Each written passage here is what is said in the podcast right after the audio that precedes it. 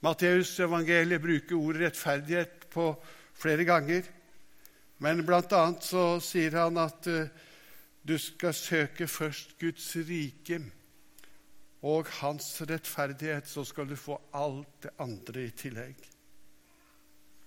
Vi tolker Jesu dåp på den måten at det er innledningen for Jesu gjerning, slik at han kan få vise den ubetingede omsorg for oss alle.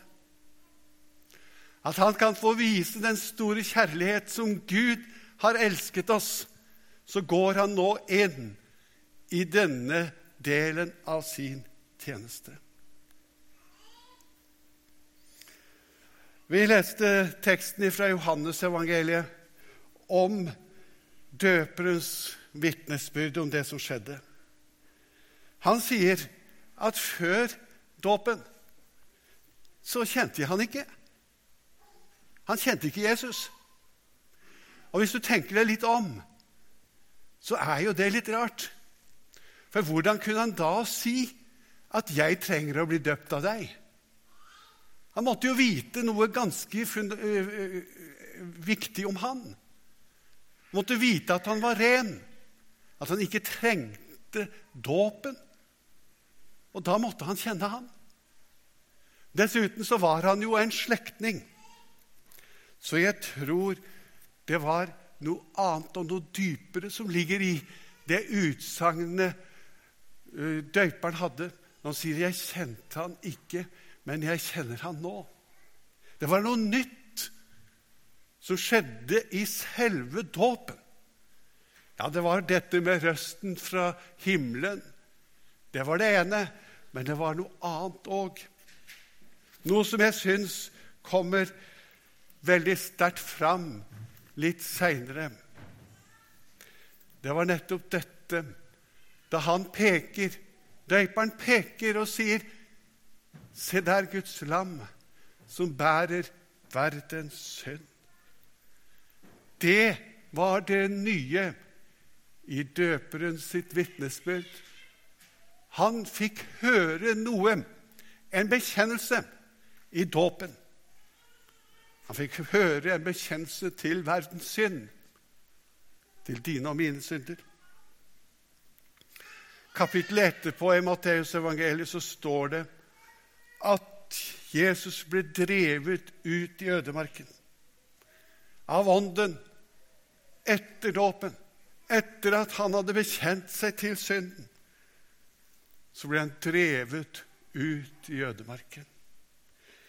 Og dere som har lest Bibelen, dere vet at når Aron bekjente, ypperstepresten bekjente folkets synder og la hendene på bukkens hode, så ble bukken drevet ut i ødemarken som en syndebukk. Og her er det paralleller inn i den teksten som vi nå har lest i dag. Jesus, han var en slik syndebukk som gikk ut i ødemarken. Og 40 dager og 40 netter etterpå kommer han mager, nedbøyd. Og Johannes får øye på han og sier, 'Se, der er det Guds lam som bærer verdens synd.' Dette ser vi og tenker at her starter Jesus sin forsoningstjeneste. Han tar på en måte innledning inn imot dette.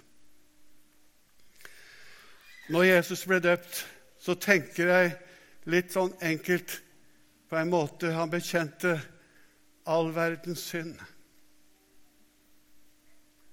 Så tenker jeg for min del Der bekjente Jesus Jan Erik Leres sine synder. De som jeg skammer meg over, men også de synder som jeg ikke liksom har noen negativ følelse til, har jeg nær sagt. De som jeg ikke forstår, er mine synder. Og så hørte han en røst, en bekreftelse fra himmelen at dette er Guds plan. Det er slik Gud ville det. Dette er min sønn, den elskede, i hvem jeg har min glede eller velbehag, som det sto i den andre oversettelsen. Tenk det. Slik var det. Det var han som gikk inn under våre synder og bekjente våre synder der og ble døpt til all verdens synd.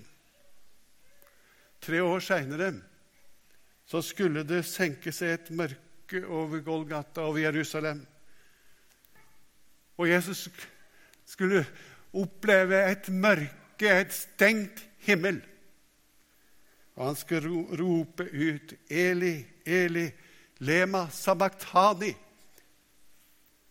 Og så skulle det være helt mørkt. 'Min Gud, min Gud, hvorfor har du forlatt meg?' Her ble Jesus ofret som syndebukken. Her rant hans blod i vårt sted. Her ble hans blod utøst for våre synder. Her er Jesus offerlammet. Her er Jesus det Guds lam som bærer dine og mine synder. Slik at nå Nå er du fri. Jeg er fri. Jeg er frelst og salig fordi Jesus har sonet all min synd. Tenk, så stort er det. Her var det Gud som handlet. Han ofret sin sønn for at du skulle gå fri. For at du skulle slippe å rope 'Min Gud, min Gud, hvorfor har du forlatt meg?' Fordi at du skal få høre 'Dette er mitt barn, i hvem jeg har min glede'. Her er det liksom det store plassbyttet som Gud har ordnet slik at du og jeg skal få leve under Guds velbehag med våre liv, fordi vi skal få erfare Guds omsluttende armer om våre liv, sjøl om det er gått i stykker for oss på så mange vis, sjøl om vi er som et sånt siv som er brekket av, slik at vi er i ferd med å gi opp som til. Her ser vi dem, at Jesus kom og ga sitt liv for oss.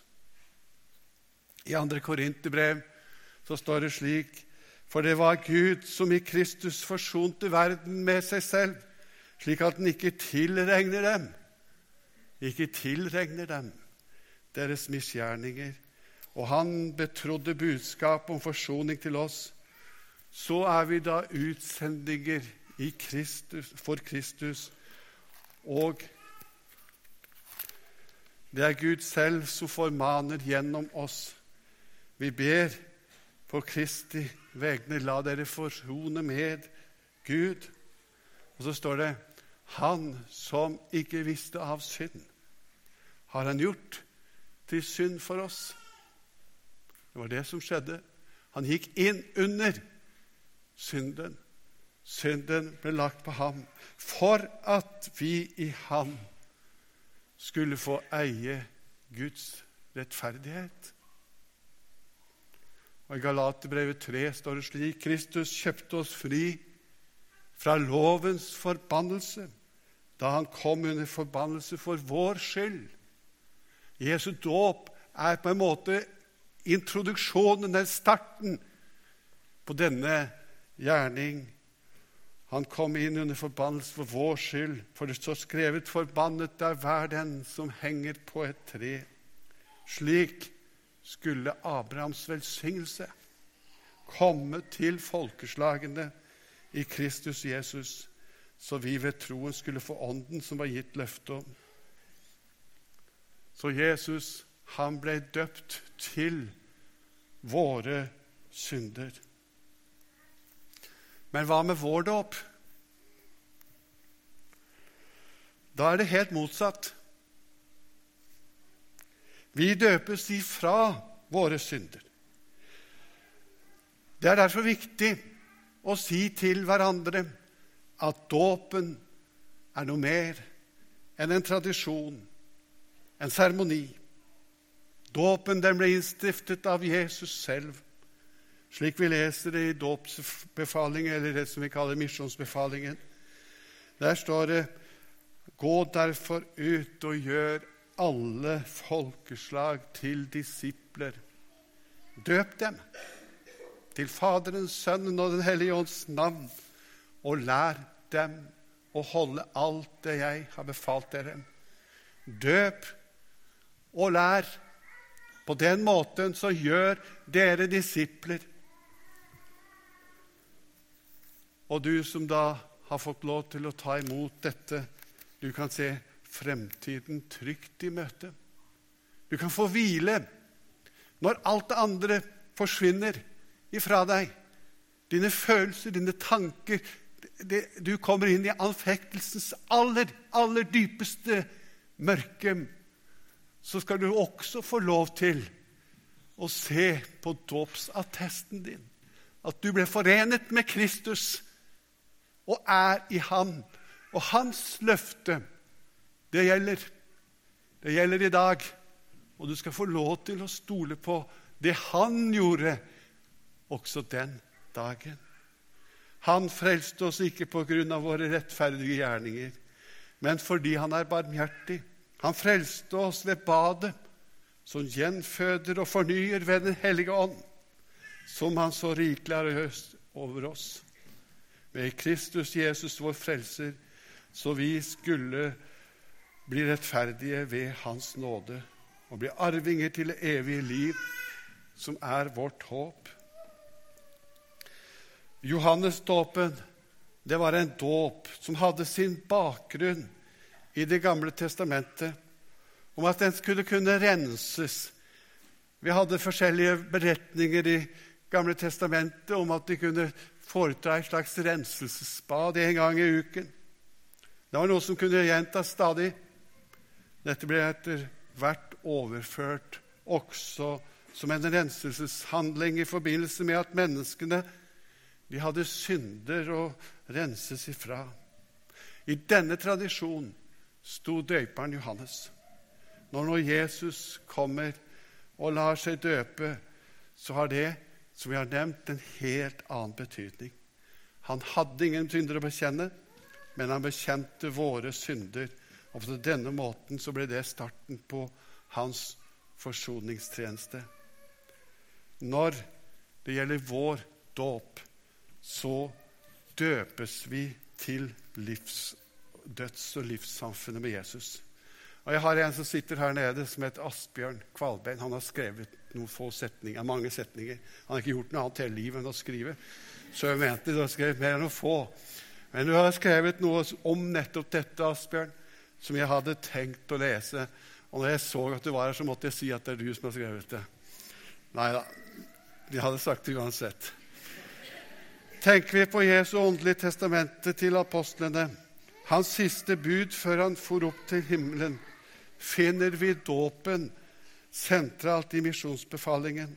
Vi, for, vi vinner disipler for Jesus, døper i den treenige Guds navn og underviser om alt Jesus har befalt. Dåpen er derfor viktig inngangsport til livet i Guds rike. Det er en av de største velsignelsene Gud har gitt. Dåpen er et nådemiddel fordi den er et av redskapene Gud bruker for å rekke oss personlig det Jesus har gitt oss ved sin død og oppstandelse, for å rense oss fra synden og gi oss del i Den hellige ånds gave. I dåpen blir vi gjenfødt til et nytt liv. Det er flott. Og så siterer vi Romerbrevet, det sjette kapittel. Vet dere ikke at alle vi som er døpt til Kristus Jesus, ble døpt til hans død? Vi ble altså begravet med ham ved dåpen til døden, for at like som Kristus ble reist opp fra de døde ved Faderens herlighet, så skal vi også vandre i et nytt liv. Så er det et herlig budskap som vi har fått høre i dag. At Jesus gikk inn under våre kår og bekjente våre synder. og at han er vår syndebærer. Sannelig, hans omsorg for meg sprenger alle grenser og er ikke begrenset av min utilstrekkelighet. Amen.